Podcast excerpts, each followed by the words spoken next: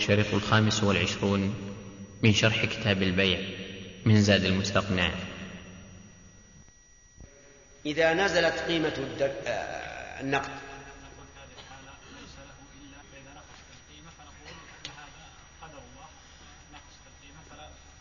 المهم أنه يلزم المقرض بقبولها ولو نقصت القيمة كما يلزم المقترض بتسديدها ولو زادت القيمة. عرفتم؟ ويظن بعض الناس أنها إذا كسدت فإنه يجب آه، آه، قيمتها. وليس كذلك. ما دام أنه ماشي وهي نقد لكن رخصت ليس له إلا إلا هذا. وهذا وقع في هذا في هذه الأعوام الأخيرة وقع كثيرا. أناس مثلا استقرضوا من نقد بلد معين وكسد النقد نقد البلد. فلما جاءوا يوفون قال المقرضون ليش تعطونا هذا؟ لازم تعطوننا قيمة في ذلك الوقت. مثل في ذلك الوقت تسوى ألف, آه، ألف دولار والآن ما تساوي إلا مئة دولار. أعطونا ألف دولار. نقول ليس لكم إلا ذلك.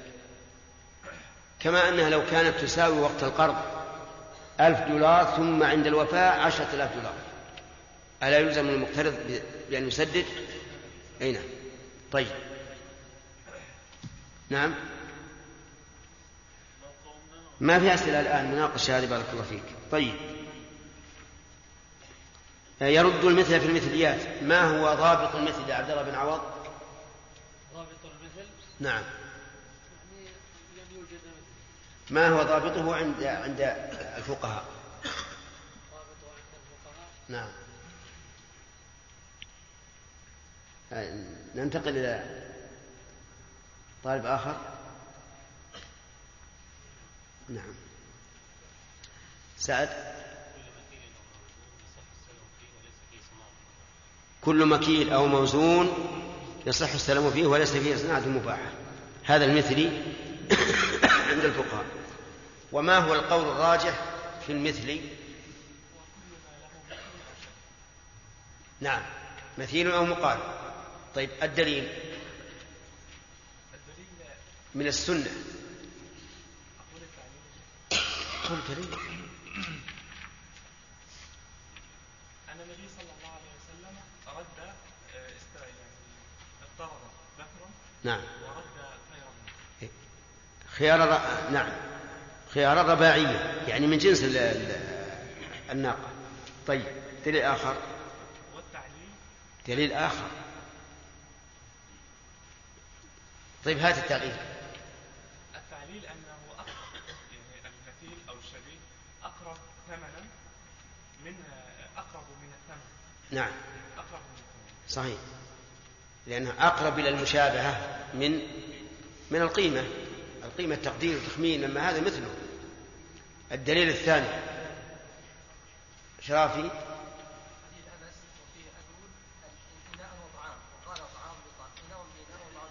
إيه. طيب. صح. آه، ما معنى إعواز المثل على السلطان؟ يعني لا يمكن لا يمكن يوجد مثل على المذهب. إيه ما إيه.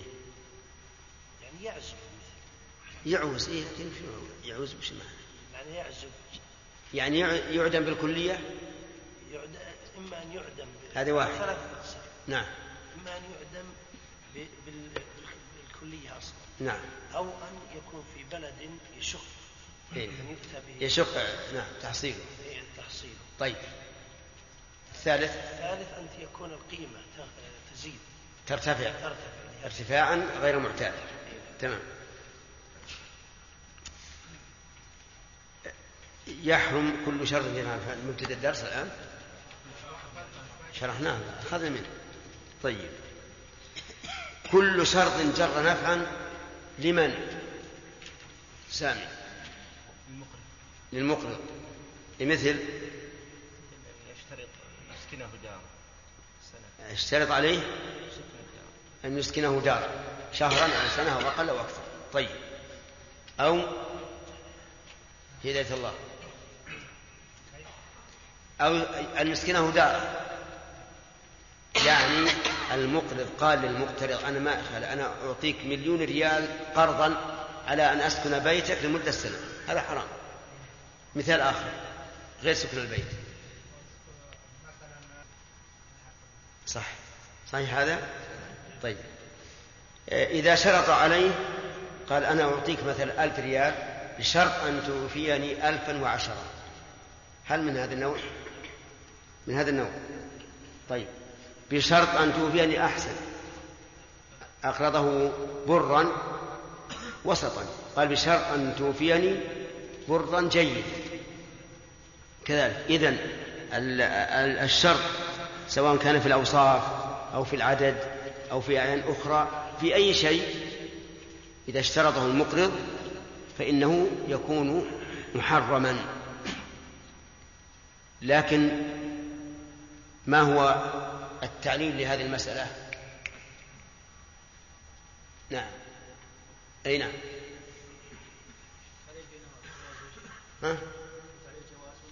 تعليل التحريم.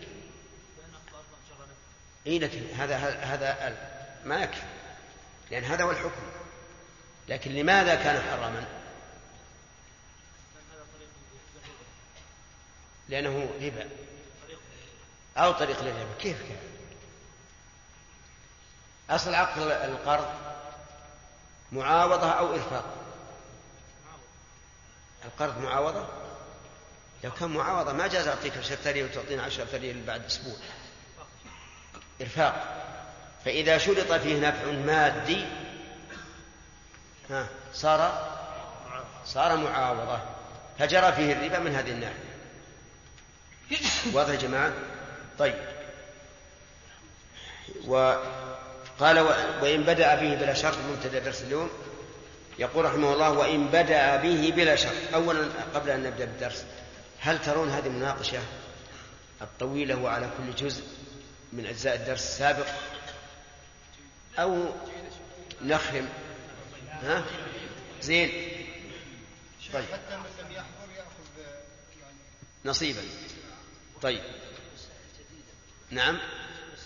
وربما زين تجي جديدة يقول وإن بدأ به بلا شر. بدأ به أي بما يجر النفع. بلا شر. بأن أعطاه المقترض ما ينتفع به. بلا شر. أو أعطاه أجود يعني بلا شر.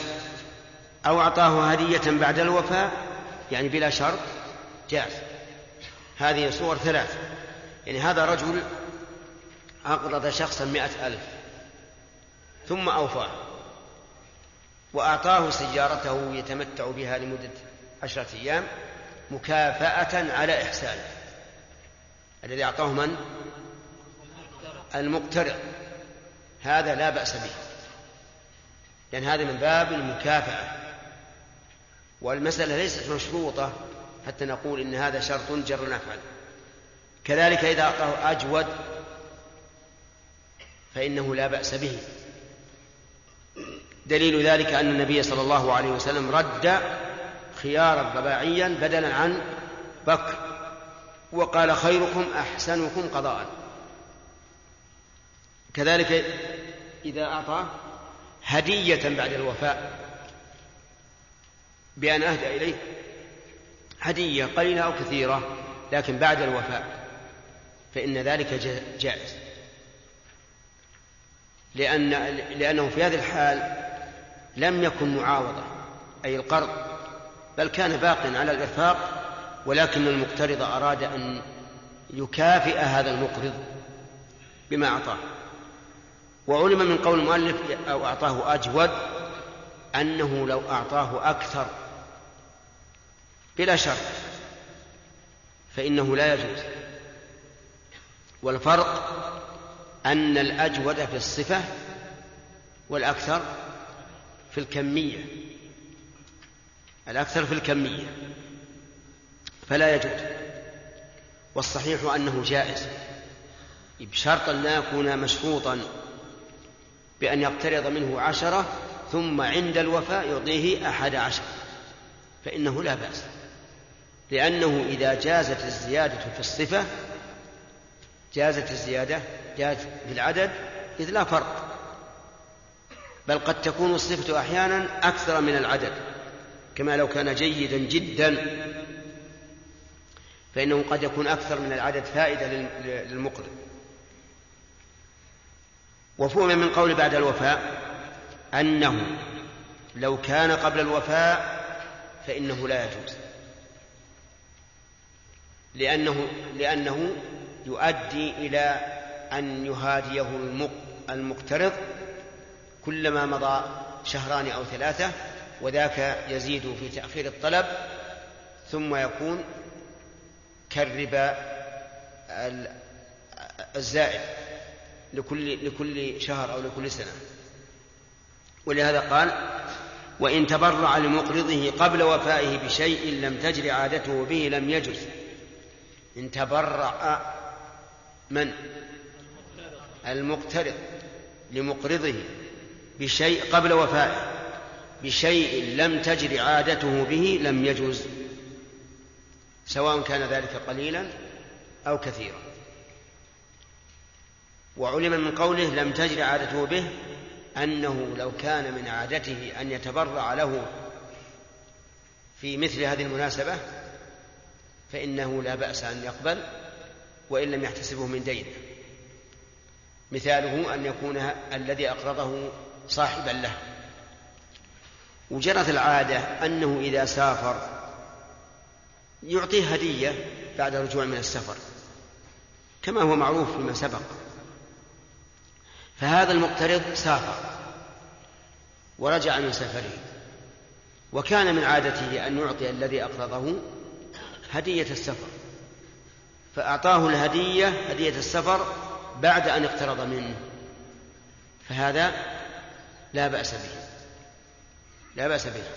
لأن الحامل له ليس هو الاقتراض. بل الحامل بينه له هو المودة والمصاحبة بينه وبين صاحبه.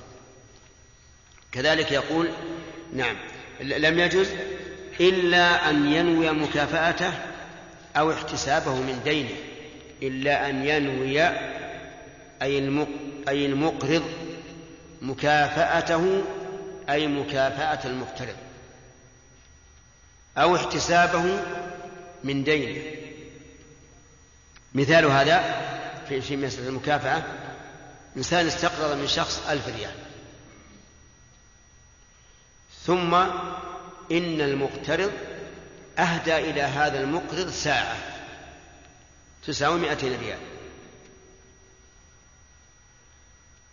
فله أن يقبلها بشرط أن ينوي المكافأة بشرط أن ينوي المكافأة بمثل ثمنها أو أكثر بمثل قيمتها أو أكثر بشرط أن ينوي المكافأة بمثل قيمتها أو أكثر. فإن قال قائل لماذا لا يردها أصلا؟ ما دامت المسألة حراما فلماذا لم لا يردها؟ قلنا إنه قد يمنعه الحياء من الرد, من الرد. قد يمنعه الحياء من الرد. لأنه من الصعب أن يقول لا أريدها. أنا قد أقرضتك. فنقول خذها وانوي المكافأة. كافئه عليه. أعطه ساعة تساوي مئتين. أو ساعة تساوي أو ساعة تساوي ثلاثمائة ما في مال أو ساعة تساوي مئة. لا. ليش؟ أي لأنه لأنه ما ليس مكافأة المئة لا لا, لا تكافئ المئتين. طيب أو احتسابه من دين. يقبل الهدية ولا يكافئ المثال أقرضه ألف ريال ثم إن المقترض أهدى إليه هدية تساوي مئتين ريال. فقبلها لكن قيدها له. قال وصل من فلان مئتين ريال. يجوز أو لا؟ يجوز لأنه الآن نوى احتسابها من دينه فسقطت عن ذمة المقترض. وكما قلت لكم قبل قليل لو أورد إنسان إيرادا وقال لماذا لم يرده؟ لماذا لم يكن صريحا؟ ويقول هدية المقترض لا تقبل. قلنا لأنه ربما يمنعه الحياء والخجل وكسر قلب صاحبه. فحين فيقبل لكن يقيدها له ويحتسبها من دينه وهذا لا بأس به. طيب. ثم قال وإن أقرضه أثمانا فطالبه بها ببلد آخر لزمته. إن أقرضه أي أقرض شخصا أثمانا وهي الدراهم والدنانير فطالبه بها ببلد آخر لزمته. مثاله أقرضه دنانير في مكة وطالبه فيها في المدينة طالبه بها في المدينة وطالبه بها في المدينة. يلزمه الوفاء أو لا؟ يلزمه الوفاء لأنه لا ضرر عليه. القيمة واحدة في مكة أو في المدينة. لأن النقد كله نقد سعودي ولا يختلف بين بلد وآخر. أما إذا كان في في في, في إذا كان في بلد يختلف عن البلد الذي أقرضه فيه فهنا قد يلحقه ضرر. قد تكون قيمته أغلى. وحينئذ نقول لا يلزمه لا يلزمه آه، الموافقة. إن وافق فذاك المطلوب وإن لم يوافق فلا يلزمه طيب إذا قال أقرضك ألف ريال بشرط أن توفيني إياه هو هو في مكة بشرط أن توفيني إياه في المدينة. يجوز؟ ننظر. يقولون إذا كان لحمله مؤونة وهذا لا يصح في مسألة النقود. إذا كان لحمله مؤونة فإنه لا يجوز لأنه في هذه الحال يجر إلى المقرض نفعا. وإذا لم يكن لحمله مؤونة كالأثمان فإنه يجوز لأنه ما فيه نفع. لا, لا زاد العدد ولا زاد النوع ولا شيء. إنما هو يريد أن يكون وفاؤه في بلده أحب إليه والمقرض من أهل المدينة. ثم قال وفيما لحمله مؤونة قيمته إن لم تكن ببلد القرض أنقص. فيما لحمله يعني إذا أقرضه شيئا لحمله مؤونة. فله القيمة في بلد القرض. له القيمة في بلد القرض. مثال ذلك أقرضه مئة صاع بر في مكة وطالبه بها في المدينة. من المعلوم أن مئة صاع بر لحملها مؤونة. أليس كذلك؟ طيب. فيقول المقترض لا لا يلزم. ولا ولا المكان الوفاة هو بلد القرض. وهذه لحملها مؤونة. يشق عليه. فلا يلزمه أن يوفي. وظاهر كلام المؤلف رحمه الله لا فرق بين أن يكون أن تكون أن يكون المطالب به قيمته مساوية لبلد القرض أو مخالفة. إلا أنه استثنى قال إن لم تكن ببلد القرض يقول أنقص والصواب أكثر. لأن إذا كانت أنقص ما لم يأتيه ضرر. إذا كانت أنقص فلا ضرر عليه ويلزمه أن يوفي. مثال ذلك المثال الأول أقرضه مئة صاع في مكة وطالبه فيها وطالبه بها في المدينة. قيمتها في مكة مئة ريال. قيمتها في المدينة ثلاثمائة ريال. يلزمه أن يوفي بالمدينة أو لا لا يلزمه يا أخي. هو, ما هو الآن لا لن يوفي آه، برا. له القيمة في في بلد القرض. في بلد القرض كم؟ مئتين وهنا في في المدينة بثلاثمائة. إذا نقول سلم 200 الآن ما عليك ضرر. ليس عليك ضرر. أما إذا كانت في بلد في مكة أكثر وقلنا إنه إن له القيمة في في آه، قيمتها في مكة فهنا لا يلزم. لا يلزمه القيمة. ليش؟ لأنها ستزيد عليه. فماذا يرد الآن؟ يرد المثل. والظاهر أنكم ما فهمتم. طيب. المسألة الأولى فهمتوها ولا لا؟ أقرضه مئة صاع هر في مكة. وطالبه بها في المدينة. ومئة صاع لحملها مؤونة أليس كذلك؟ طيب. نقول الآن لا يلزم المقترض أن يحملها من مكة إلى المدينة لأن عليه ضرر. إذا ماذا يلزمه؟ يلزمه قيمتها في مكة. قيمتها في مكة سألنا عنها وقالوا إن إن قيمتها في مكة 200 ريال. وقيمتها في المدينة 300 ما الذي يلزمه؟ 200 ريال واضح يعني لا نقول لازم تشتري لنا برا ب 300 ريال يلزمه 200 ريال واضح؟ طيب إذا كانت في في في مكة ب 300 وفي المدينة 200 فاهمين زين؟ ما هو بلد القرض؟ مكة في مكة بمئة آه بثلاثمائة. في المدينة اللي هو طلب بلد الطلب.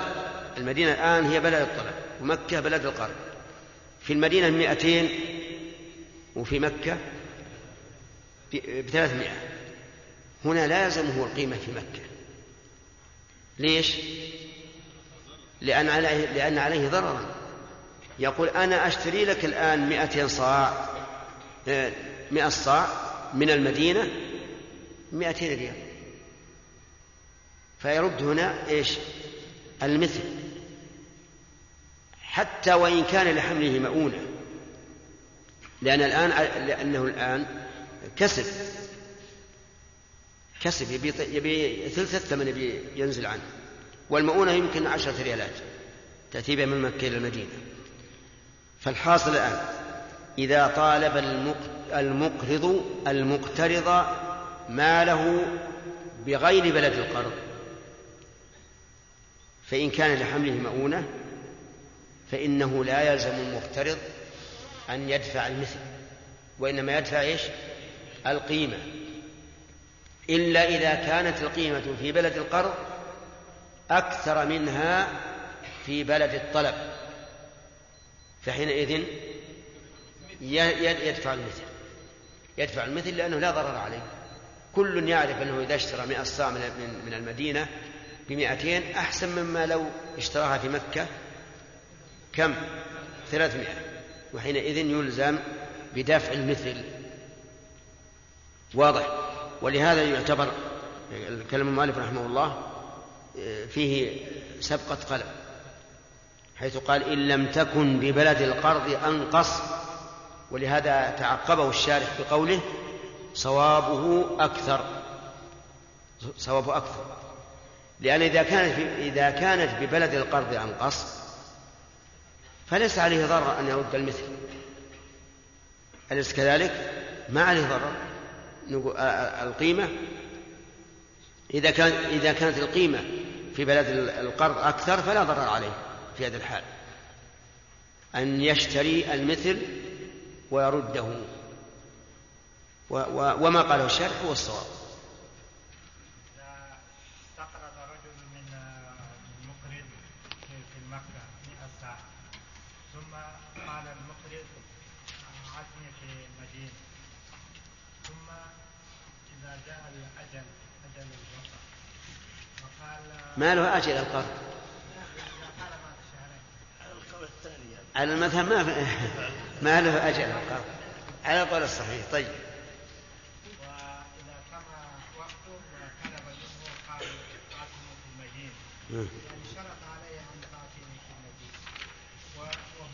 هم ما ألسنا قلنا إذا شرط أن يوفي في غير بلد القرض ولحمله مؤونة فالشرط لاغي غير صحيح. زين طيب كيف كيف ليس فيه مال؟ لأن هناك 100 ساعة ب 200 وفي المدينة ب 200 ويأخذ 200 ريال ويجي ويدخل البيت هذا ما يجي عليه 200 لأن معه فلوس طيب لا بأس. وهنا يعني يجب عليه أن يوكل في المدينة أي نعم. هو الصحيح. ما دام ما عليه ضرر. المقترض ما عليه ضرر ما عليه ضرر. والقرض إن كان حال في حال وإن كان مؤجلا وتم أجله فقد حل نعم. إذا اشترط يا شيخ بارك الله فيكم المقرض نعم. على المقترض أن يكون الوفاء بغير بلد القرض. نعم. وكانت نيته وكان الحمل وكان المال خفيف المؤونة. يعني كان يكون فضة أو ذهب. نعم. لكن يعني أراد أن أن يأمن الطريق. فينتفع بهذا المال وهو وهو مشترط أن يكون الوفاء بغير بلد القرض. نعم. فهل يجيب فهل يجوز؟ أي ما يضر هذا. لكن انتفع. أبدا ما ينتفع لأن, لأن أمن الطريق. قد يكون آمنا وقد لا يكون آمنا تحققنا حتى لو تحقق ما في ما في معنى لأن نفس القرض ما في زيادة ولا نقص. نعم. شيخ لو اقترض زيد من عمرو ألف ريال. إيش؟ لو اقترض زيد من عمرو ألف ريال. و... وزيد أهدى إلى عمرو هدية قبل الوفاة. ولكن هذه هذه لا يعلم عمرو كم قيمتها. فهل يجب عليه أن يسأل زيد قيمتها؟ لا يجب عليه أن يسأل أهل الصنف أهل الخبرة. الهدية تكون من بلد يعني بعيدة. إيه؟ وليست معروفة في هذه البلد يعني مثلا ما يسأل أهل الخبرة؟ إذا فرض أن حلي مثلا يسأل الصارة. تكون يعني من الدول الخارجية البعيدة إيه؟ في هذه الحال إذا إذا لم يجد من يقدرها يجب يسأل المقرض المقترض. لا نعم. يحتاط لنفسه الحمد لله. احتياط زين نعم. نعم. بعض أهل العلم هذا من هذا الباب من باب الأرض الذي نفع نعم. النفع في كون المتقدم ينتفع باستخدام نعم. يعني هو الذي لم ينتفع الأول طيب. ما يضر هذا يعني حتى المقترض يبي ينتفع مهما كان 50000 نعم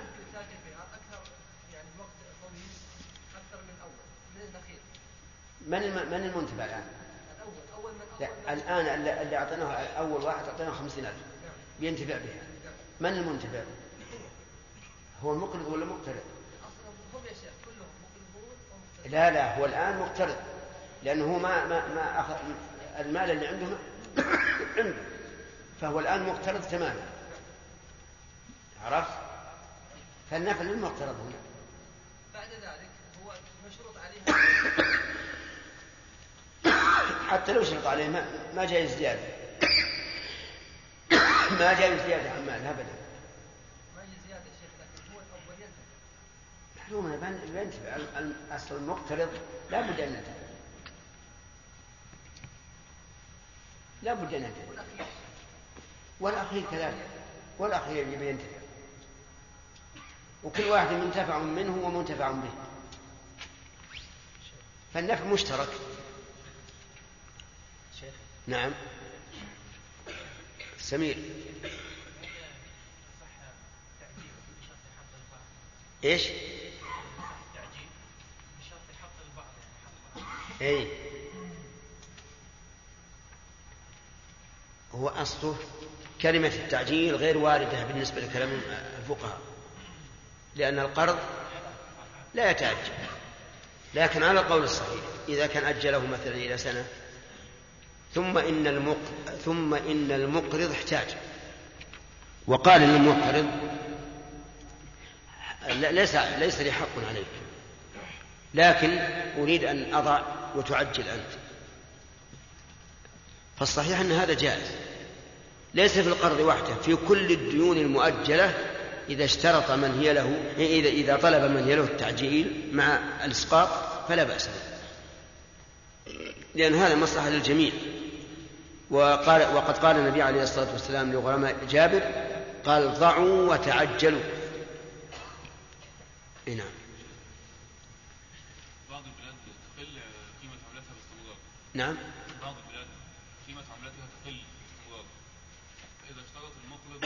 يعطي المال للمقترض بعملة بلد أخرى قيمتها ثابتة ما يخالف إذا أعطاه العملة الأخرى. يعطيها العملة الأخرى. يرد يعني ما يخالف يعني مثلا أعطاه دولارات. طبعا اللي بيرد الآن دولارات. حتى لو ما شرط عليه. يعني ما علي منه. أنا أقرضت دولار لا بد أن يوفيني دولارا. سواء شرطت عليه أو ما شرط واضح؟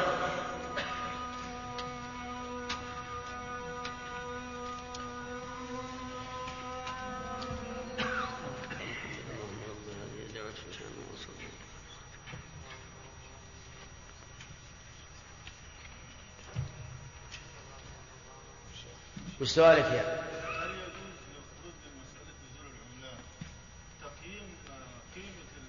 تقييم ولا تقويم؟ نعم. تقييم هذه لغة فاسدة.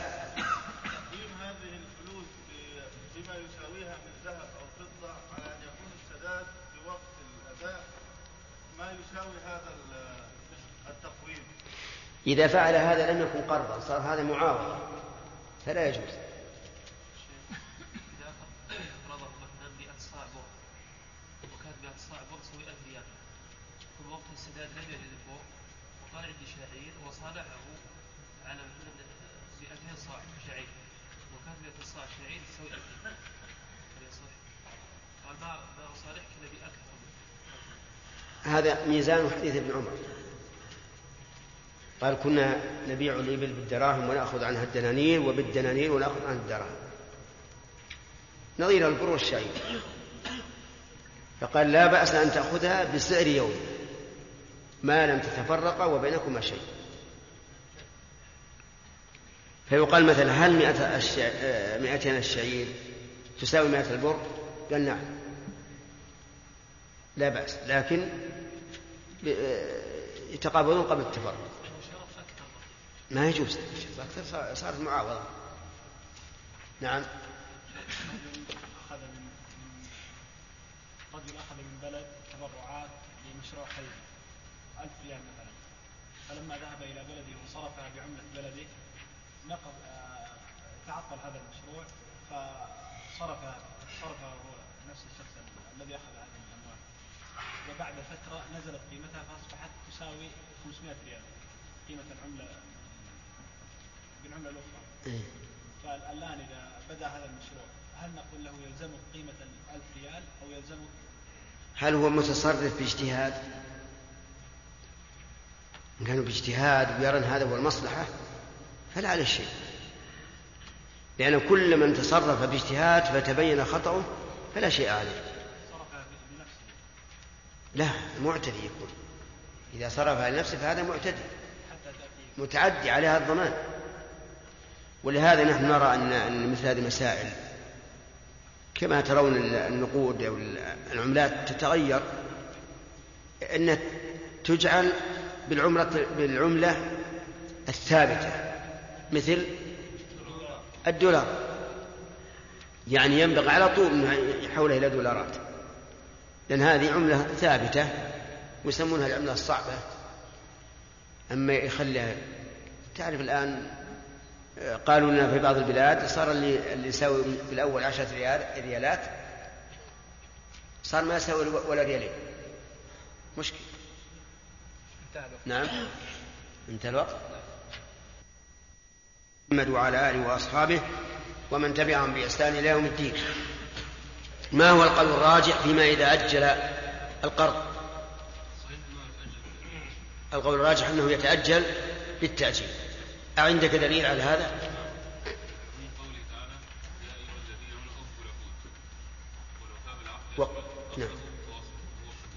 من قوله تعالى وقوله وأوفوا بالعهد. نعم. في السنة. نعم. أحسنت. بارك الله فيك. آه، من ذهب إلى هذا القول؟ نعم.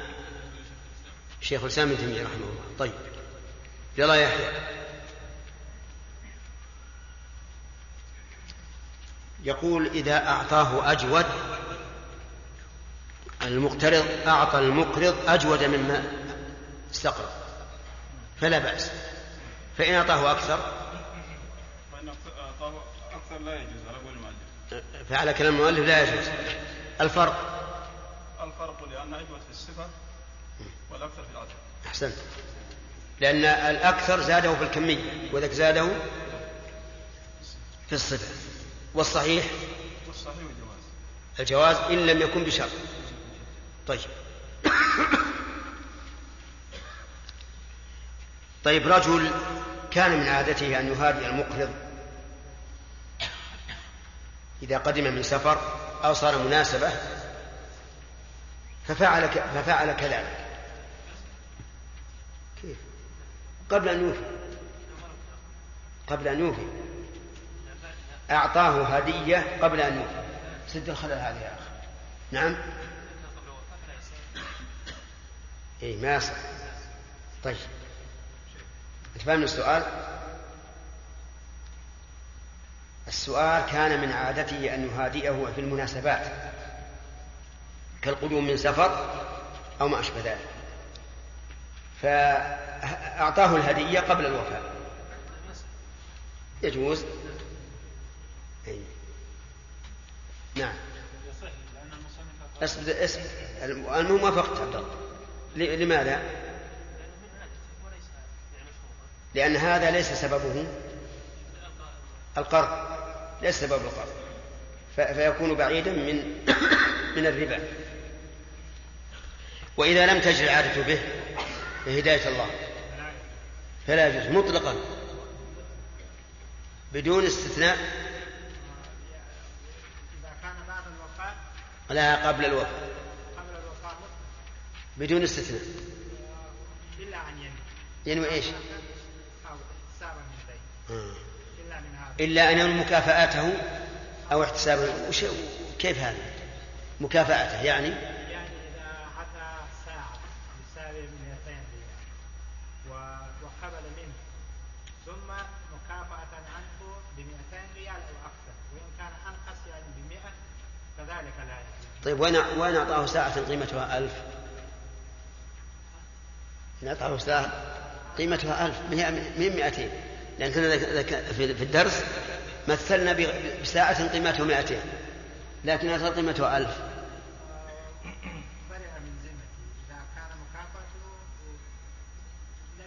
يعني إذا كافأه بما يساوي ألف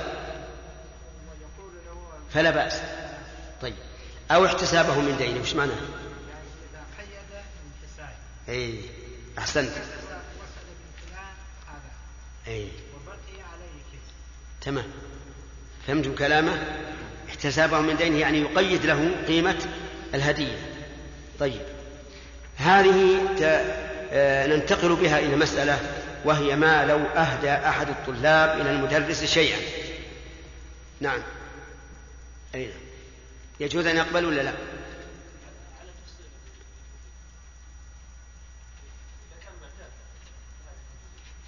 لا أبدا ولا اعتاد ولا أعرف المدرس إلا في المدرسة. نعم. إيش؟ أهداه أهداه. جاء إليه بساعة وتفضل يا أستاذ أنت رجل حريص ومجتهد جزاك الله خير. وهذا إكراما لك. ساعة. أي أحسنت. يعني في مثل هذا ربما يخجل المدرس أن يردها. نعم. لأن الطالب إنما جاء بها ليفرح إذا قبلها المدرس. فهنا ربما يخجل نقول اقبلها ولكن ها كافئه بمثلها أو أحسن. وهذه تفرج عن عن الإحراجات في بعض الأحيان. طيب. إنسان أقرض شخصا ألف ريال في مكة وتصادف في المدينة فقال أعطني قرض. ما تقول يا عبد الرحمن؟ يلزم. قال ما معيش.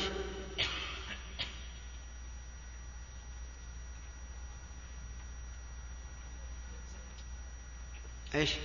ما معي إلا نفقتي اللي توصل إلى بلدي.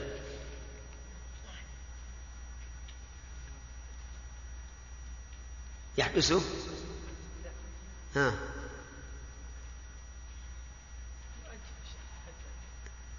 طيب من, من أين نأخذ أنه يجب عليه إنظاره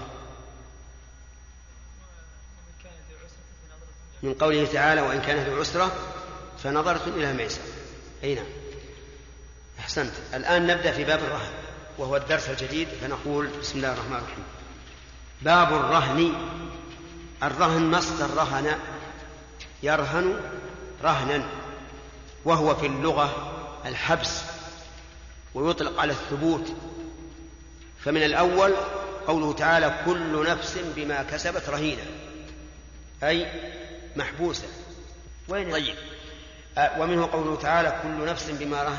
بما كسبت رهينة أي محبوسة بما كسبت. كل امرئ بما كسب رهين أي محبوس. و... وأما الثبوت فمنه قولهم ماء راهن أي راكد ثابت. هذا في اللغة. أما في, في الاصطلاح فهو توثيقة دين بعين يمكن استيفاؤه أو بعضه منها أو من بعضها أعيد مرة ثانية. توثيقة دين بعين يمكن استيفاؤه أو بعضه يعني أو استيفاء بعضه منها أو من بعضها. من حفظ؟ نعم.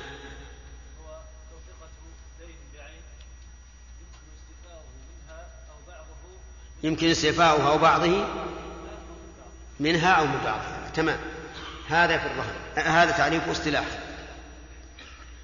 فقولنا توثيقة دين بعين. مثاله إنسان في ذمته لي ألف ريال. ذمتي ألف ريال. فأعطاني ما قيمته ألفا ريال. رهنا بالدين. هنا يمكن استيفاء الدين من بعض الرهن أو من كل الرهن. من بعض الرهن؟ طيب. مثال آخر. آه، رجل في ذمته لي ألف ريال. وأعطاني رهنا يساوي خمسمائة ريال.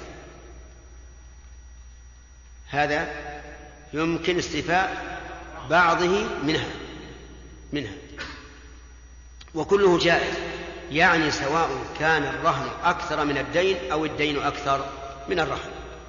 لأنه إن كان الرهن أكثر من الدين فالتوثقة ظاهرة وإن كان أقل من الدين فالتوثقة في بعض الدين خير من لا توثقة طيب وقولنا توثقة دين بعين. بعين. يفيد أنه لا بد أن يكون الرهن عينا. فإن كان دينا فإنه لا يصح. على كلام الفقهاء لا يصح. مثال ذلك أنا أطلب فلانا عشرة آلاف ريال. فأمسكت وقلت أعطني عشرة آلاف ريال. قال ما عندي. طيب أنت تطلب فلانا عشرة آلاف ريال. اجعل دينه الذي لك رهنا لي. فهنا توثقة إيش؟ دين بدين. توثقة دين بدين. فلا يصح. وذلك لأن الدين الذي في ذمة الآخر لا يجوز بيعه إلا على من هو عليه. فإذا كان كذلك فإنه لا يصح أن يكون رهنا.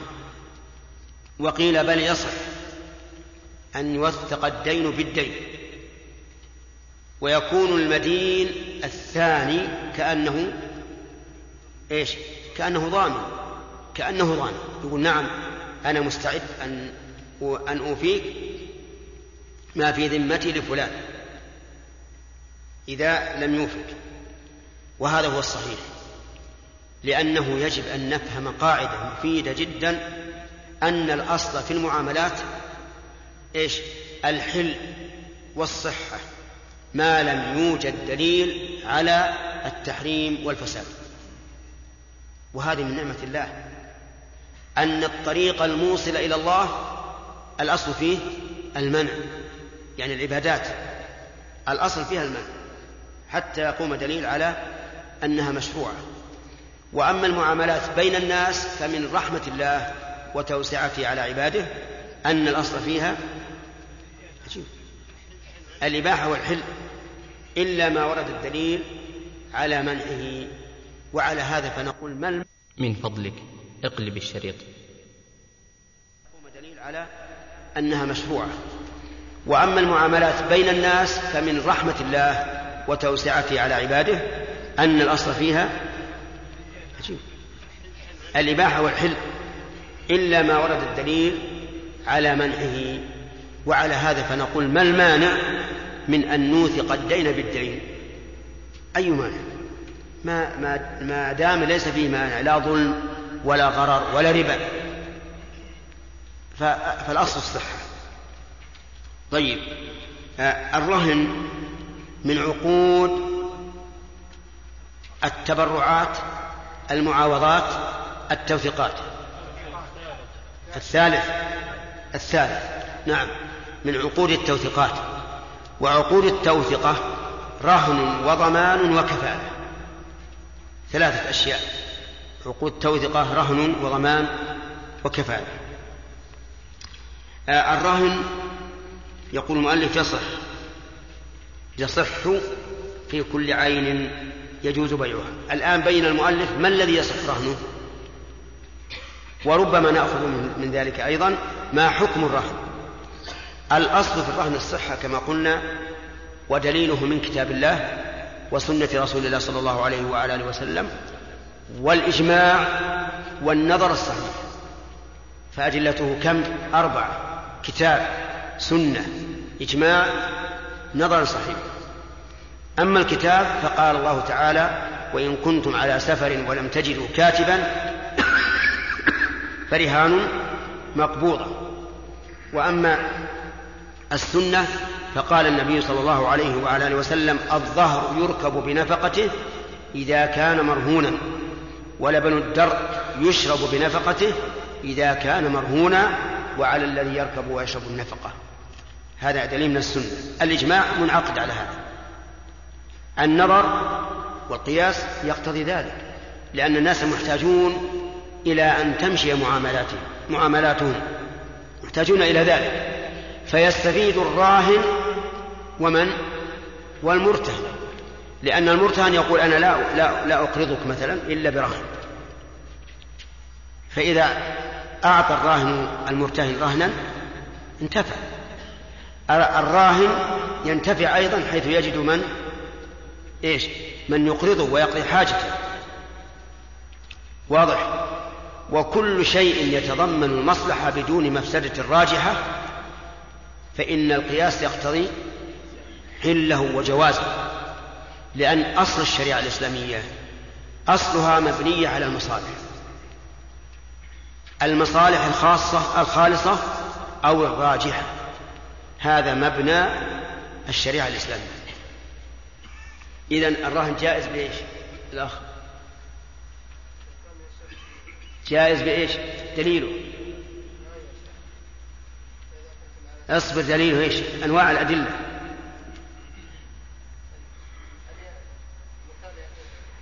لا أنا سألتك لأنك الآن تفكر. أليس كذلك؟ نعم. قل نعم ولا لا؟ نعم. ولهذا انتبه. إذا فكرت وراح عليك كلمة واحدة ما عاد تبني على شيء. طيب اصح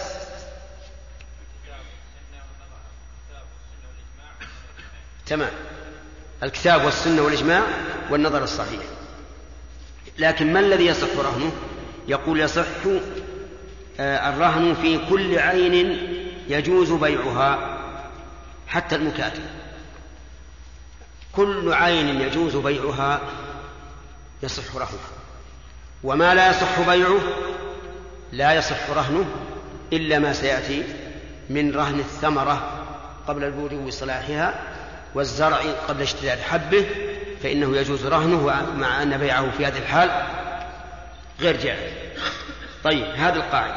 كل عين يجوز بيعها يجوز رهنه. وما لا فلا. طيب رهن رهن الولد. رهن الولد. إنسان أراد أن يستدين فقال له الدائن لا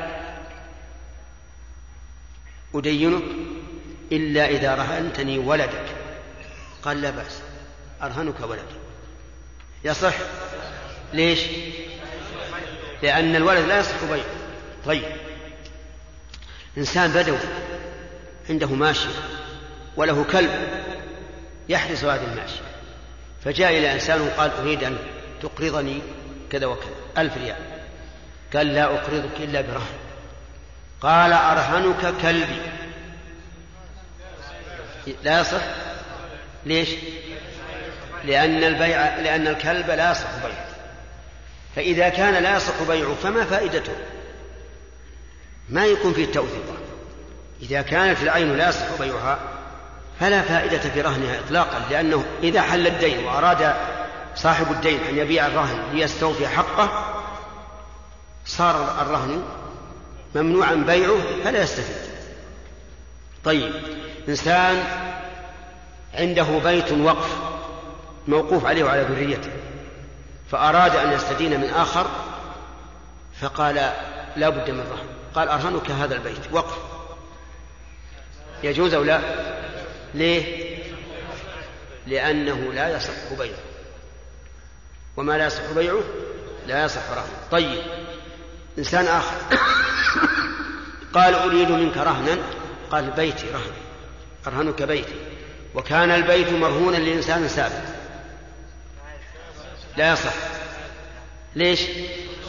لأنه لا يصح بيعه. لا يصح بيعه. والمشغول؟ لا يشغل. طيب.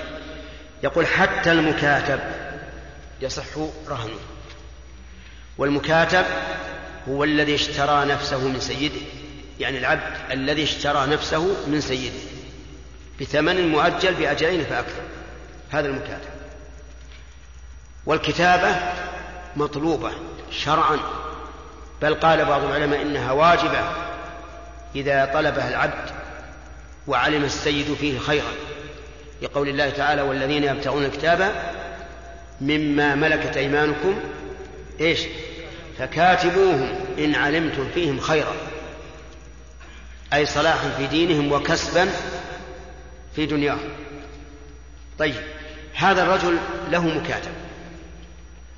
يعني له عبد اشترى نفسه منه. وأراد أن يرهنه. هل يجوز رهنه؟ مكاتب يا أخوان. يجوز. لماذا؟ لأن المكاتب يصح بيعه. لأن المكاتب يصح بيعه. ثم إن أوفى عتق وبطل الرهن. وإن لم يوفي يعني حل أجل آه، دين الكتابة ولم يوفي عاد رهنا هو وكسبه. إذن المكاتب يصح رهن المدبر المدبر تعرفون من هو؟ هو الذي علق عتقه بالموت. فقال سيده إذا مت فعبدي حر. فهل يجوز له أن يرهنه؟ يجوز لأنه يجوز أن يبيعه فجاز أن يرهنه. لأن هذا المدبر لم يعتق حتى الآن. متى يعتق؟ إذا مات سيده. طيب. قال مع الحق وبعده يعني يصح الرهن مع الحق يعني مع الدين وبعده أي بعد الدين أي بعد الحق. مثاله قال بعتك هذا الشيء بعتك هذا البيت بمائة ألف على أن ترهنني بيتك الثاني. فقال قبلت. فهنا الرهن. مع الحق ولا قبله؟ مع الحق. طيب. ويصح بعده. مثاله رجل أقرض شخصا مئة ألف.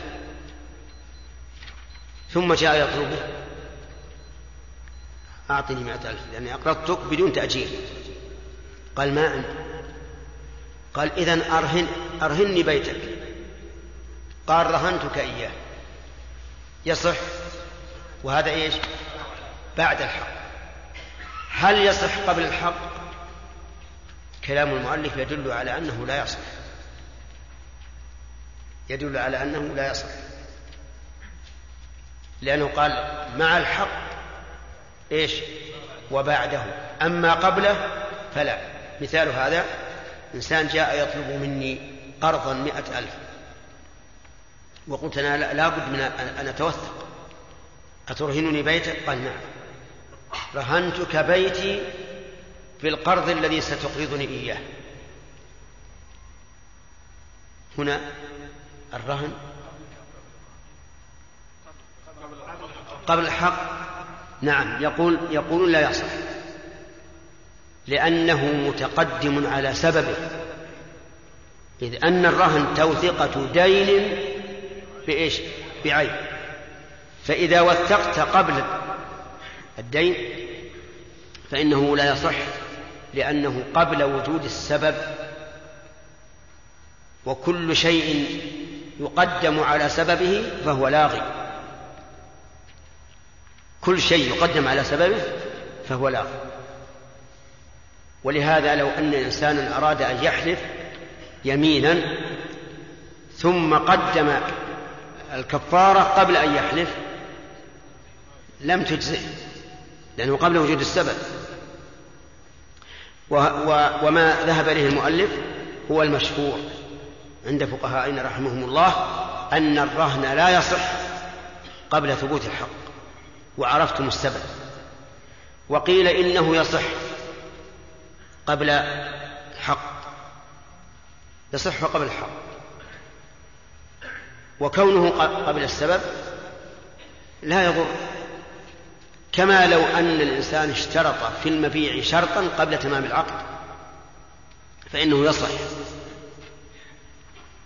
إذا اتفق على على الشرط قبله هذا أيضا إذا اتفق على الرهن قبل العقد فما المانع؟ الحقيقة أنه لا مانع. ولو أننا فتحنا الباب وقلنا إنه لا يصح لتحيل المتحيلون.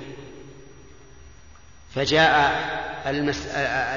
المستدين للدائن وقال أنا أريد منك مئة ألف ولكني أعرف, أعرف أنك لن لن تقرضني إلا برهن وأنا الآن أكتب لك رهن بيتي. رهنتك بيتي بمئة ألف التي تقرضني. قال طيب ما دام ما دام ما دام رهنتني البيت هذه مئة ألف. ولما انتهى العقد قال له المستدين إيه الرهن غير صحيح. ولا لك رهن. فيكون بهذا فتح باب لأهل الحيل. فالصواب أن الرهن جائز مع الحق وقبل الحق وبعد الحق.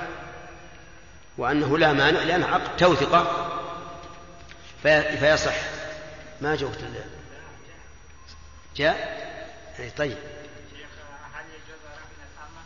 الأمة؟ نعم. هل يجوز استمتاع المرتهن المرتهن بها. أسألك هل هو مالك؟ ليس مالك. اصبر يا رجال. ليس مالك. طيب ومن الذي يجوز الاستمتاع؟ إما الزوج لا أقول اللي يجوز له الاستمتاع بالمرأة إما الزوج وإما المالك والذين هم لفروجهم حافظون إلا على أزواجهم أو ما ملكت أيمانهم. لا ما فيها فتنة. هذه يأتينا إن شاء الله عاد. هل يشترط القبض قبض الرهن أو لا؟ يجينا إن شاء الله. لأن القول الراجح أنه يجوز أن يرهن الشيء ويبقيه عند الراهن هذا القول الراجح؟ وحينئذ لا محذور نعم الكمال يلا. نعم. شيخ قلنا أن القاعدة أنه ما لا يجوز بيعه لا يجوز الرهن به. وضربنا مثال على ذلك الكلب.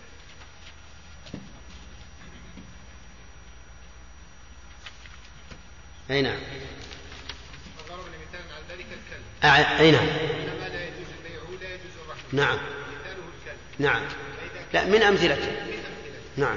فإذا كان المرتهن آه، مثلا يقول ارهني كلبك وأنا أقبل بحيث لو آه، لم تعطني آه، ديني فأنا آخذ طيب. أستفيد به. صار في عوض. عوض. أليس كذلك؟ لكن العوض يتم بعد أن أجبني بس. صار في عوض ولا لا؟ ما يجوز. لأن النبي صلى الله عليه وسلم نهى عن بيع الكلب لكن هذا لا هذا بيع. الآن أخذت أخذ الكلب عوضا عما في ذمته صاحب الكلب. على أنه لو لم يأتي بالدين هو على كل حال قد لا يأتي. نعم.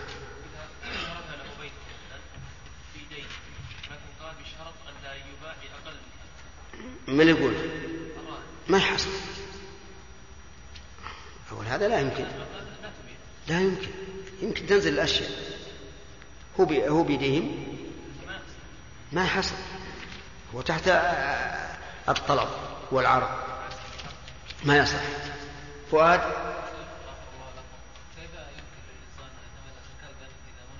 إيش؟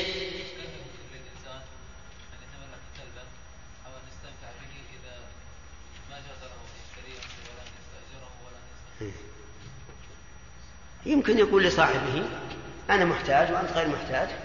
وأنت إذا كنت غير محتاج لا يحل لك أن تقتنيه ففك نفسك من الإثم وأعطني إياه. وش سوي وش سوي لأن لو قلنا مثلا له أن يتنازل عن اختصاصه بهذا الكلب بعوض صار هذا هو بيع الكلب في الوضع. فلا فلا يصح شرافي إيش؟ أحيانا عبارات المشهور بالمذهب واحيانا المشهور عند الفقهاء ضايع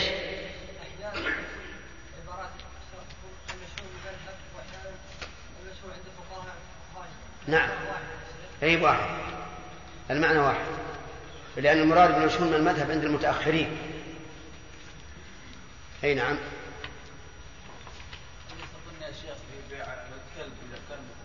قلنا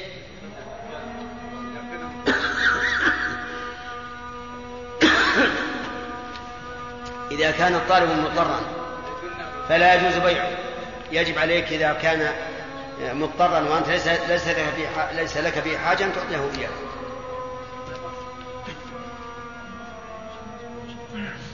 اللهم رب هذه الدعوة التامة وصلاة القائمة آت محمدا الوسيلة والفضيلة وابعثه مقام محمود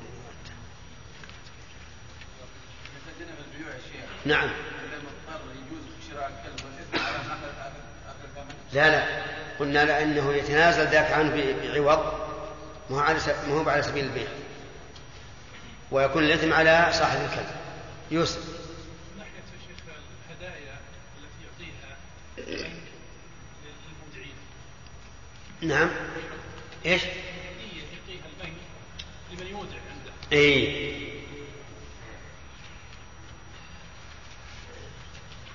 ما دامت ما دام بلا شرط ثم هذه الهدية تعطى لكل أحد لأن البنك مو يعطيها العميل فقط يعطيها العميل وغيره. كلما زاد عمالته كلما عجيب. ما أدري. على كل حال إذا كان كذلك لا يأخذ شيء. نعم؟ كل قرض جر منفعة. ها؟ مطلقا. لأن لأن الآن الدراهم دراهم عند البنك. ما هي بعد شرط وإن لم يكن شرط. لولا أنه أعطاه المال ما أحسن إليه. أبدا. ولهذا أنا قلت لك بالأول هل إنه يعطي الهدايا كل إنسان؟ فهذا لا بأس. لأنهم أحيانا يعطون الهدايا من باب الدعاية يرون يا شيخ من باب الإحسان من المقترض إلى المقترض لأن المودع طيب المكافأة بعد الوفاء ما قبل لا. لا يجوز نعم. إذا دخل أحد محل يشتري فقال له أتيك بعد أسبوع أو عنده ماذا نسمي هذا يعني هذا ليس رهنا ليس رهنا توثقة لكن لا لا تسمى رهنا لأن البطاقة هذه ما تنفع. لكن جرت العادة أن أن هذه من جنس ال- الرهينة في في الفداء فداء الكفار. نأخذ واحد منهم مثلا حتى يعطونا ما عندهم من ال- الأسرى. لا. هذه هذه التوثقة فقط. ما ما يصدق عليها الرهن. نعم. نعم. إيش؟ دين. ورهن مملوكه الذي هو مدبر. ثم مات صاحب المملوك. فهل ينفك رهنه يع- يعتق. يعتق؟ يعتق نعم. وكيف إذا كان هذا إذا كان هذا ضمان توثيق أو كان عقد توثيق فكيف توثيق؟ و يعني ما دام صاحب الحق عالم بأن هذا مدبر فقد دخل على بصيرة انتهى الوقت. وعلى آله وصحبه أجمعين قال رحمه الله تعالى ويلزم في حق الراهن فقط ويصح رهن المتاع ويجوز رهن المبيع غير المك- المكين والموزون على ثمنه وغيره وما لا يجوز بيعه لا يصح رهنه إلا الثمرة والزرع الأخضر قبل بدو صلاحهما بدون شرط القطع ولا يلزم الرهن إلا بالقبض. بس. بسم الله الرحمن الرحيم الحمد لله رب العالمين وصلى الله وسلم على نبينا محمد وآله وأصحابه أجمعين. الرهن أحد عقود التوثيقات. الشيخ إبراهيم هل هناك عقد آخر للتوثقة وهو الضمان والثالث الكفالة؟ طيب. آه، هل الرهن جائز شرعا؟ الدليل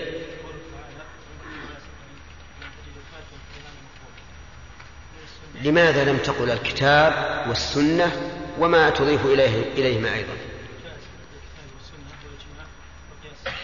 طيب.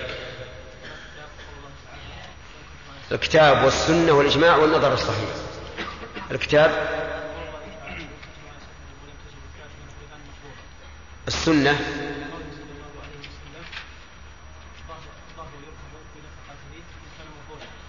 الظهر يركب بنفقته إذا كان مرهون. الدر ترى فرق بين الدر والدر. نعم.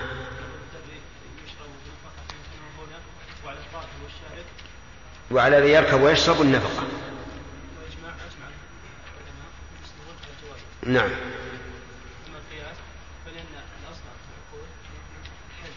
لا.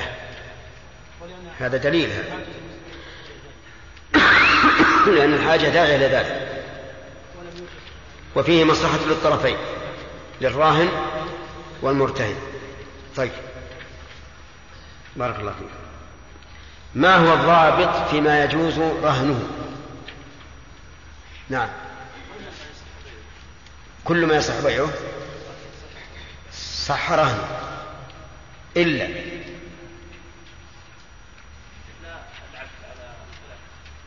العبد مكاتب. لا.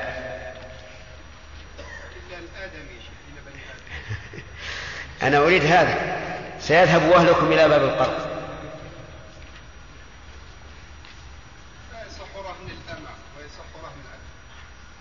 لا هذا هذا كلام في القرض. كل ما يصح رهنه يصح بيعه. حتى بني آدم. يعني يجوز بيع العبد. لكن لما كان باب القرض قريبا من باب الرهن ربما يذهب اثنين الطالب إلى إلى باب القرض. و... فعلا. هو ذهب. طيب. ما هو ما هي بهذا ما هي على القاعدة قاعدة لا قاعدة أخرى ما هي إذا كل عين يصح بيعها ها؟ يصح رهنها. كل عين لا يصح بيعها لا يصح رهنها إلا الثمرة وسيأتي إن شاء الله. فالقاعدة هذه بالعكس. يقول رحمه الله نبدأ الآن. إلا إذا كان نشوف هل يصح الرهن قبل الحق أو بعده أو معه؟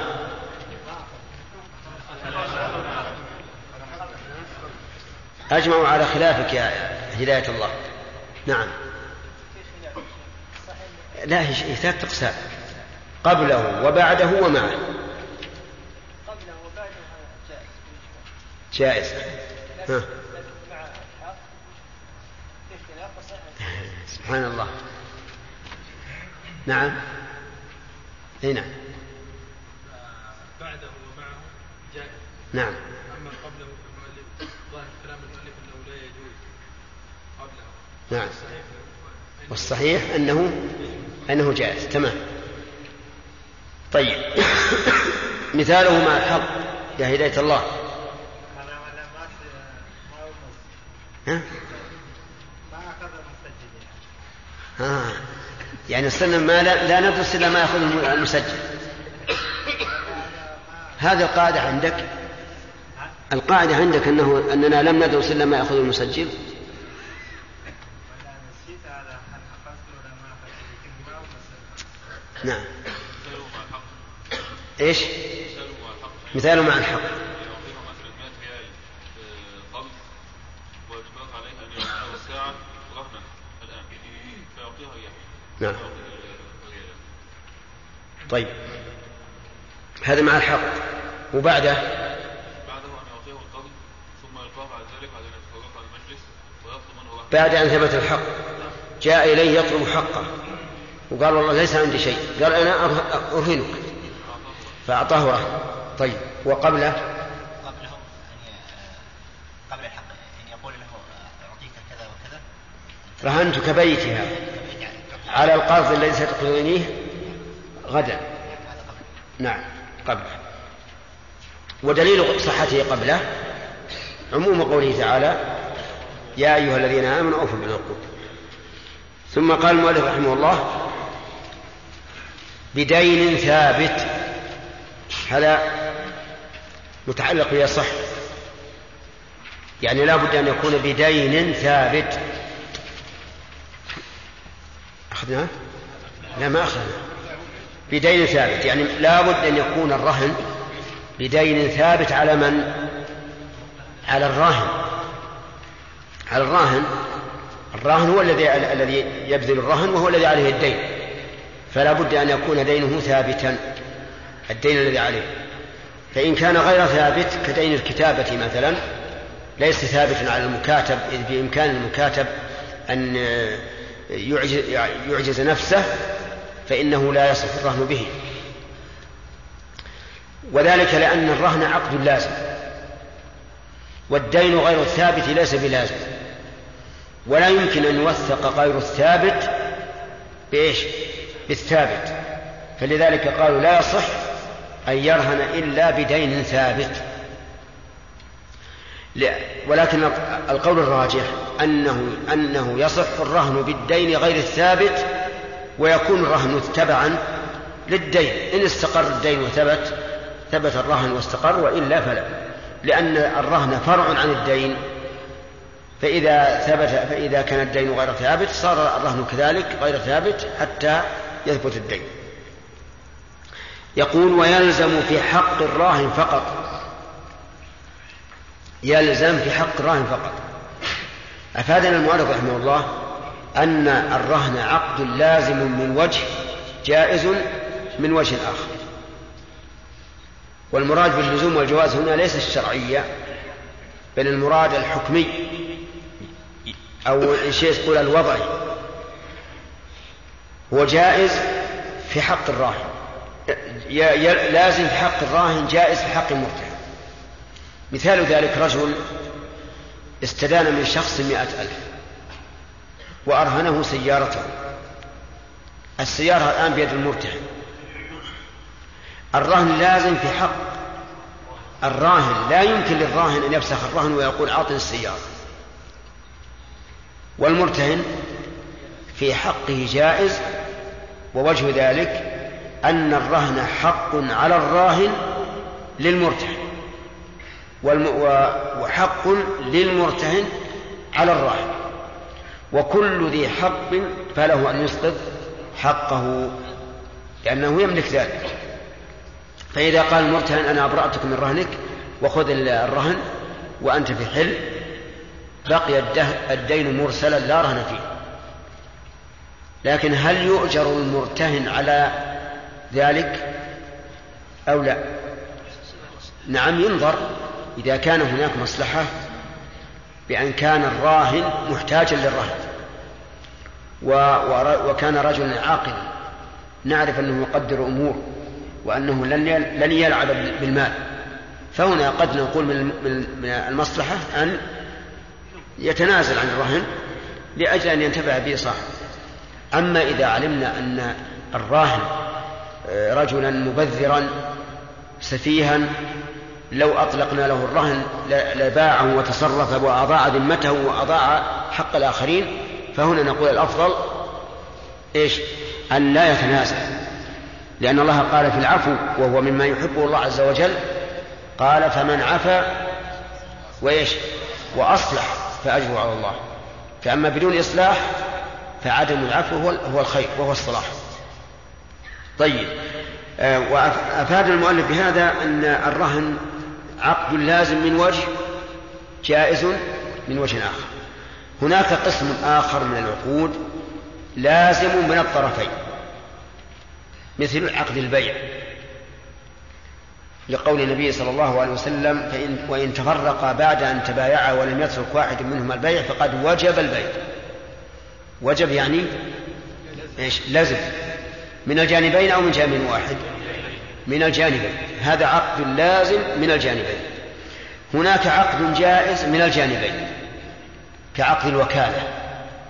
إنسان وكل شخصا كعبد السلام مثلا وكله أن يشتري له سيارة. نعم.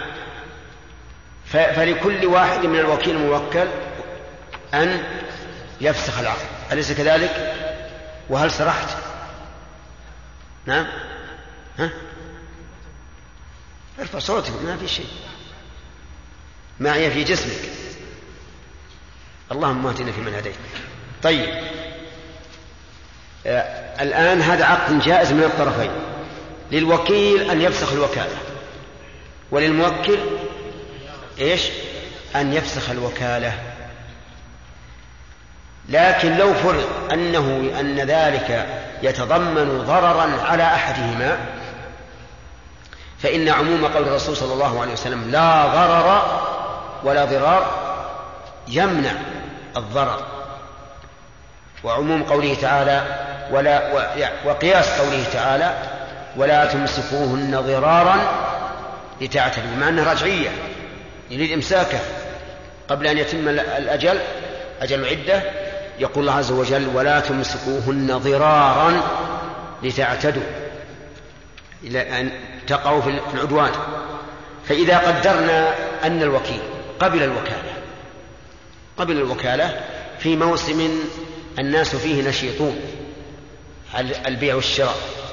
ثم لما فتر الناس فسخ الوكالة. أو لما رأى أن أن الوكلاء المعروفين آه، قد يعني انشغلوا فيما وكلوا فيه فسخ الوكالة من أجل أن يضطر الموكل إلى البحث عن وكيل ولا يجد ففي هذه الحال نقول إن فسخه يتضمن ضررا على الآخرين فلا نجيز له ذلك إلا بعذر. أما إذا كان عذر كعجز أو ما أشبه ذلك فهو معذور. لكن بلا عذر نقول إن النبي عليه الصلاة والسلام قال لا ضرر ولا ضرار والقرآن الكريم يشير إلى هذا هذا المبدأ العظيم وهو قوله تعالى إيش؟ ولا تمسكوهن ضرارا لتعتدوا. أليس كذلك يا عوض؟ نعم. صارت العقود تنقسم إلى كم قسم؟ لازم من الطرفين. جائز من الطرفين لازم من طرف دون الآخر. وذلك حسب ما تقتضيه الأدلة الشرعية وعرفتم ما, ما, ما يستدل به. قال ويصح رهن المشاع. المشاع يعني مشترك. يصح أن يرهن المشاع. مثال ذلك بيت بين رجلين. بيت بين رجل لكل واحد منهما النصف. فرهن أحدهما نصيبه لدائنه. يصح؟ مشاع.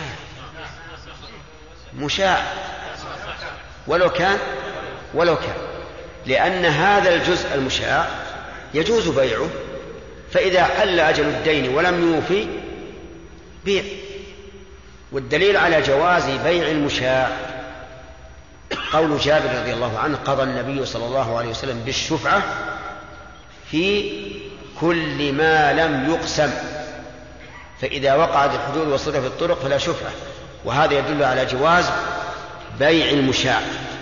فإذا كان بيع المشاع جائزا كان رهنه جائزا لأنه إذا حل أجل الدين ولم يوفى بيع. وبيع المشاع جائز. إذا يصح رهن المشاع.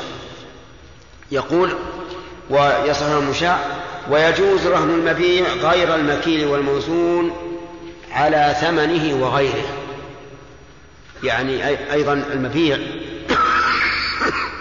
يجوز أن يرهن على ثمنه وغيره. غير الثمن يعني؟ إي نعم. على ثمنه وغيره. مثال ذلك رجل اشترى من شخص بيتا بمائة ألف والمشتري عنده للبائع مائة ألف من قبل فباع عليه ولكنه رهن البيت بثمن البيت وبالمئة السابقة مئة الألف السابقة. هنا رهن المبيع على إيش؟ على ثمنه وغيره. معلوم ولا غير معلوم؟ طيب. رجل اشترى من آخر بيتا بمئة ألف. نعين البائع المشتري ولا ما حاجة؟ ما حاجة. رجل اشترى من شخص بيتا بمئة ألف. وكان في ذمته للبائع بائع البيت مئة ألف أخرى. صار في ذمة المشتري مئتا ألف. فقال له البائع أريد أن ترهنني البيت بثمنه الذي هو مئة ألف وبمئة الألف السابقة التي عندك. أيجوز أو لا؟ المؤلف يقول يجوز. رهن المبيع على ثمنه وغيره. هو على ثمنه رهن مع الحق أو قبل الحق أو بعد الحق.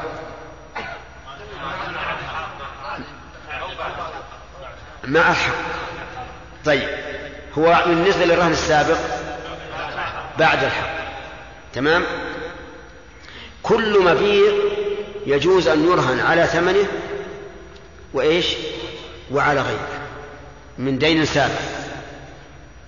طيب. يقول المؤلف استثنى شيئا. قال أي وين راحت؟ نعم. غير المكيل والموزون. المكيل لا يجوز رهنه لا على ثمنه ولا على غيره. يعني لو بعت عليك مئة صاع بر بمئتين ريال. مئة صاع بر بمئتين ريال. قلت برهنه لي. مئة الصاع البر برهنه حتى تجيب لي 200 ريال. المؤلف يقول ما يجوز. ما يجوز. ليه؟ لأن ما لا يصح بيعه لا يصح رهنه والمكيل قبل أن يقبض لا يجوز بيعه فلا يجوز رهنه. عرفتم؟ هذا وجه هذا وجه العلة. والعقيل ما أدري يتصور الموضوع ولا لا. تصورته؟ طيب. اذا رهن المبيع جائز على ثمنه وغيره. يستثنى من ذلك المكيل والموزون لا يجوز رهنه قبل أن يقبض لا على ثمنه ولا على غيره والعلة في ذلك أنه لا يصح بيعه. لا يصح لا يصح بيعه. هذه العلة. والقاعدة عندهم ما لا يصح بيعه لا يصح رهنه. وهذا هو المذهب والصحيح الجواز. لأن النبي صلى الله عليه وسلم إنما إنما نهى عن بيع المبيع قبل قبضه على غير بائع. والحكمة من ذلك لئلا يربح فيما لم يدخل في ضمانه ولئلا يربح ربحا يغار منه البائع ويحاول إيش؟ فسخ المبيع آه فسخ البيع. أما إذا رهنه على البائع وهو مكيل أو موزون فالصحيح أنه جائز. صحيح أنه جائز. وأنه لو قال البائع الذي باع عليه 100 صاع ب 200 ريال أنا لا أسلمك الأصواع إلا أن أن تأتي لي بالثمن. أريد أن تكون عندي رهنا يجوز أو لا؟ افرض أنكم ممن يقلد صاحب الكتاب. يجوز ولا ما يجوز؟ لا إله إلا الله. ليش الجواب هذا؟ مو قول. لا يجوز؟ طيب. لكن القول الراجح أنه جائز وذلك لأن النبي صلى الله عليه وسلم إنما نهى عن بيع المكيل والموزون قبل قبضه على غير بائعه وهذا رهن على بائعه. رهن على بائعه.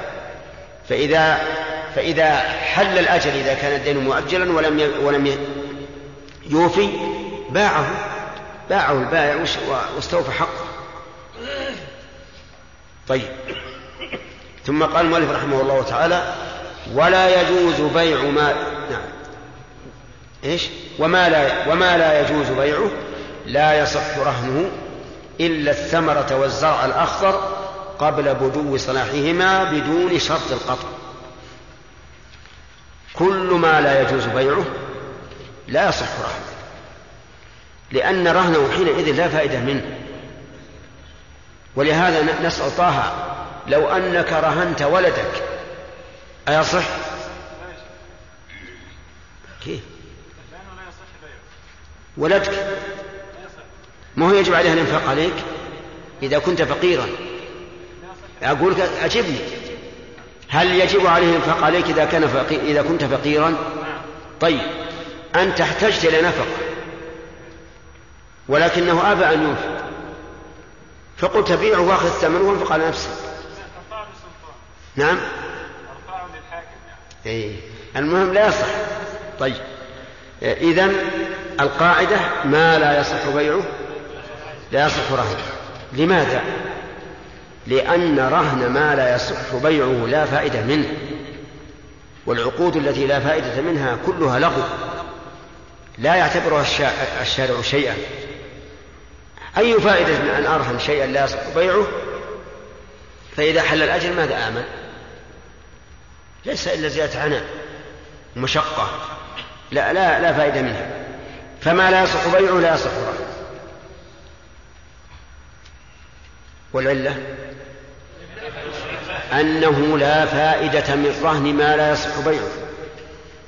لأنه إذا حل الأجل لم لم يتمكن الراهن المرتهن من من بيعه. طيب إلا إلا الزرع إلا الثمرة والزرع الأخضر قبل بدو صلاحهما بدون شرط القطع. وحامد يبين لي متى متى يبدو صلاح الثمرة. إذا اصفرت أو احمرت. والزرع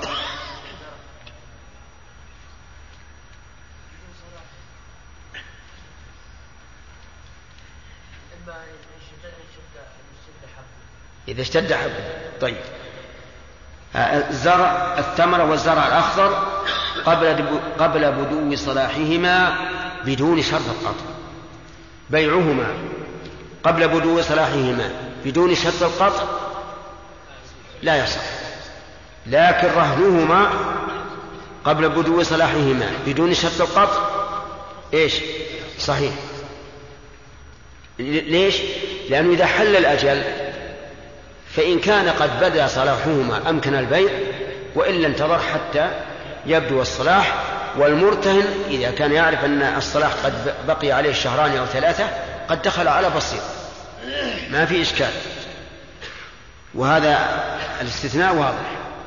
أنه يجوز أن أن ترهن الثمرة قبل بدو صلاحها وإن لم يشترط القطع. بل إن شرط القطع قد يكون مفسدا للعقد لأنه لا فائدة منه. طيب و رهن الثمرة قبل خروجها والزرع قبل زرعه. أيصح؟ من أين نأخذ كلام مؤلف؟ قوله إلا الثمرة والزرع إلا الثمرة والزرع. وقبل بدو وقبل خروج الثمرة معدوم. والرهن توثيقة دين بعين. وهنا لا عين وعلى هذا فإذا جاء الفلاح إلى التاجر وقال أنا أريد أن أحدث هذه الأرض وأزرعها أريد أن تدينني تقرضني مثلا. قال نعم أنا أقرضك عشرة آلاف ريال لكن بشرط أن أرهن الزرع الذي سوف تزرعه في هذه الأرض. نعم فإنه لا يصح لأن الزرع الآن مو موجود. كيف كيف يرهن شيئا معدوما؟ لكن عمل الناس على خلاف ذلك. يرهنون ذلك باعتبار المآل. باعتبار المآل طيب فإن قال قائل لماذا لا نعدل عن رهن الثمرة إلى رهن الشجرة؟ والشجرة قائمة. وعن رهن الزرع إلى رهن الأرض. الأرض قائمة ولا لا جاب أنت معنا؟ طيب نقول الأرض قد تكون لغير المستدين. يكون المستدين مجرد زارع وكذلك الشجر. أيها الإخوة في ختام هذه المادة نسأل الله أن نلقاكم في لقاءات متجددة. مع تحيات مؤسسة الاستقامة الإسلامية للإنتاج والتوزيع في عنيزة. شارع هلالة رقم الهاتف والناسخة الهاتفية. صفر ستة ثلاثة ستة أربعة ثمانية ثمانية ثمانية صفر. والرقم الثاني صفر ستة ثلاثة ستة أربعة خمسة ثمانية ثمانية صفر. ورقم صندوق البريد اثنان وخمسمائة وألف.